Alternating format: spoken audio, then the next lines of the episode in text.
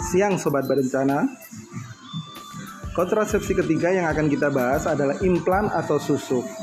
Kontrasepsi ini merupakan penanaman sebuah benda kecil seukuran batang korek api yang dimasukkan ke bagian bawah kulit, umumnya pada lengan bagian atas.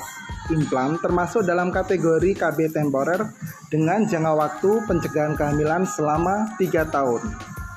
Bagi pasangan yang ingin menunda kehamilan dalam jangka waktu lama dan tidak ingin repot, metode ini dapat dijadikan pilihan. Meski harganya relatif mahal dibandingkan dengan pil ataupun suntik, tingkat kegagalan sangat baik yaitu hanya satu persen. Dan bagi mama yang masih menyusui dapat menggunakan jenis KB ini karena tidak mengganggu produksi ASI.